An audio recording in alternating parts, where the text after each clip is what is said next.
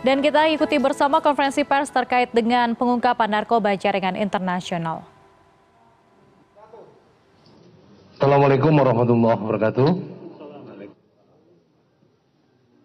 Selamat siang, salam sejahtera untuk kita semua. Siang ini kita akan kembali untuk uh, menyampaikan preskon dari Direktorat Tindak Pidana Narkoba Baris Krim Polri terkait dengan pengungkapan narkoba ya. Kali ini pengungkapan narkoba itu kita sebut dengan pengungkapan narkotik kitchen lab. Ya. Ini sindikat dari negara di Iran ya di mana jaringan ini adalah Jerman Indonesia dinamakan jaringan Jerman Indonesia karena pengiriman uh, narkotika jenis sabu ini berasal dari Jerman yang dikirimkan melalui atau via kantor pos ke warga negara Iran ya. Kemudian dalam bentuk mentah seperti rekan-rekan lihat yang di depan kita adalah paket keramik jadi barang-barang ini e, dikirim melalui paket keramik, melalui kantor pos, diterima, kemudian diproses ulang, dan diproses atau dibuat lebih masak lagi di salah satu apartemen di wilayah Jakarta. Dari pengungkapan ini diamankan atau ditangkap dua tersangka yang merupakan warga negara asing dari Iran atas nama MHD dan atas nama AK. Dan satu lagi dinyatakan DPO dalam proses pencarian juga dari warga negara Iran atas nama S. Nah untuk lebih jelasnya, lebih detailnya, eh, bagaimana proses awalnya informasi diterima oleh pihak kepolisian dan sampai tertangkapnya dua tersangka ini mari kita dengar uh, penjelasan dari Bapak Wadir Tindak Pidana Narkoba Baris Krim Polri yang mewakili Direktur Tindak Pidana Narkoba Baris Krim Polri Bapak Kombes Polisi Jayadi. Waktu dan tempat kami persilakan. Silakan Pak. Terima kasih Pak Karopenmas. Baik, Assalamualaikum warahmatullahi wabarakatuh. Selamat siang dan salam sejahtera bagi kita semuanya. Rekan-rekan media yang kami hormati, hari ini Direktorat Tindak Pidana Narkoba Baris Krim Polri akan menyampaikan eh, keberhasilan pengungkapan yang dilakukan oleh rekan-rekan Subdit 1 Direktorat Tindak Pidana Narkoba Baris Krim Polri terkait dengan narkotik kitchen lab. Ya, narkotik kitchen lab yang berhasil kita ungkap ini rekan-rekan adalah merupakan jaringan dari Iran yang bekerja sama dengan uh, jaringan dari uh, Jerman. Awal mula pengungkapan yang dilakukan oleh teman-teman Direktorat 4 yang bekerja sama dengan teman-teman dari Bea Cukai itu berawal dari beberapa minggu yang lalu ya beberapa minggu yang lalu kami mendapatkan informasi bahwa ada pengiriman barang berupa keramik yang diduga di dalamnya berisi sabu-sabu. Nah, berdasarkan informasi yang kami peroleh, Kemudian tim penyidik kami melakukan pendalaman terhadap informasi itu. Nah kemudian pada tanggal 8 November 2022 itu bertempat di sekitaran kantor pos Pasar Baru, sekitar di trotoar, tim penyidik dari Direktorat Narkoba Baris Krim Polri berhasil mengamankan seseorang yang inisialnya adalah MHD. penangkapan yang dilakukan oleh teman-teman dari Direktorat Tindak Pidana Narkoba Baris Krim Polri yang bersama-sama dengan teman-teman dari Bea Cukai kemudian melakukan penggeledahan terhadap tersangka yang kita lakukan penangkapan di sekitar kantor pos tadi. Kemudian dari hasil penggeledahan yang eh, tim lakukan, itu ditemukan sebuah paket, kemudian kita buka. Nah, di dalamnya adalah eh, contoh keramik yang dikirim dari Jerman. Seperti yang rekan-rekan saksikan di depan ini, ini adalah contoh-contoh keramik yang dibawa oleh tersangka MHD, kemudian kita buka, dan di dalamnya berisi bubuk atau serbuk. Yang awalnya kita belum tahu, kemudian kita coba uji dengan tes kit, ternyata diduga mengandung narkotika jenis sabu. Nah, dengan dasar itu rekan-rekan sekalian, kita melakukan interogasi dan pendalaman terhadap tersangka MHD. Dari pengembangan yang dilakukan oleh tim gabungan dengan teman-teman Bea Cukai, kemudian didapatkan informasi bahwa barang ini akan dibawa ke salah satu apartemen yang berada di sekitar Casablanca. Kemudian tim bergerak ke apartemen dengan membawa tersangka dan barang buktinya tersebut melakukan eh, penggeledahan di salah satu apartemen yang ada di Casablanca. Kemudian dari uh, penggeledahan yang dilakukan oleh tim yang ada di salah satu apartemen itu, rekan-rekan sekalian, tim mendapatkan sebuah lab yang kita sebut dengan narcotic kitchen lab.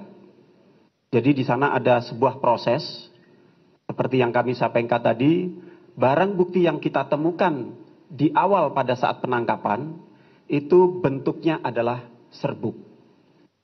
Sehingga ketika bergeser ke salah satu apartemen, salah satu kamar di apartemen, itu kita temukan sebuah lab, kitchen lab, yang fungsinya adalah untuk melakukan proses. Nanti eh, teman-teman media juga akan diberikan kesempatan untuk melihat eh, bagaimana proses eh, terjadinya pemurnian atau dari bahan serbuk kemudian menjadi bahan kristal dan seterusnya nanti akan dijelaskan oleh teman-teman dari Puslapor maupun dari Pak Kasubdit 1. Nah, dari hasil pengungkapan kitchen lab ini, rekan-rekan sekalian, kita mendapatkan uh, sejumlah barang bukti seperti yang disampaikan oleh Pak Karopen Mas tadi, lebih kurang 9,3 kg. Tetapi sebagian sudah uh, bergeser, sudah didistribusikan. Nah, dari proses penangkapan di TKP pertama di sekitar kantor pos Kali Baru, kemudian bergeser ke salah satu apartemen, kemudian eh, kita lakukan olah TKP, kita mengamankan dua tersangka. Tersangka yang pertama adalah MHD, itu adalah seorang laki-laki berkewarganegaraan Iran, kemudian bertempat tinggal di salah satu apartemen, kemudian berperan sebagai penerima paket. Itu yang tersangka pertama.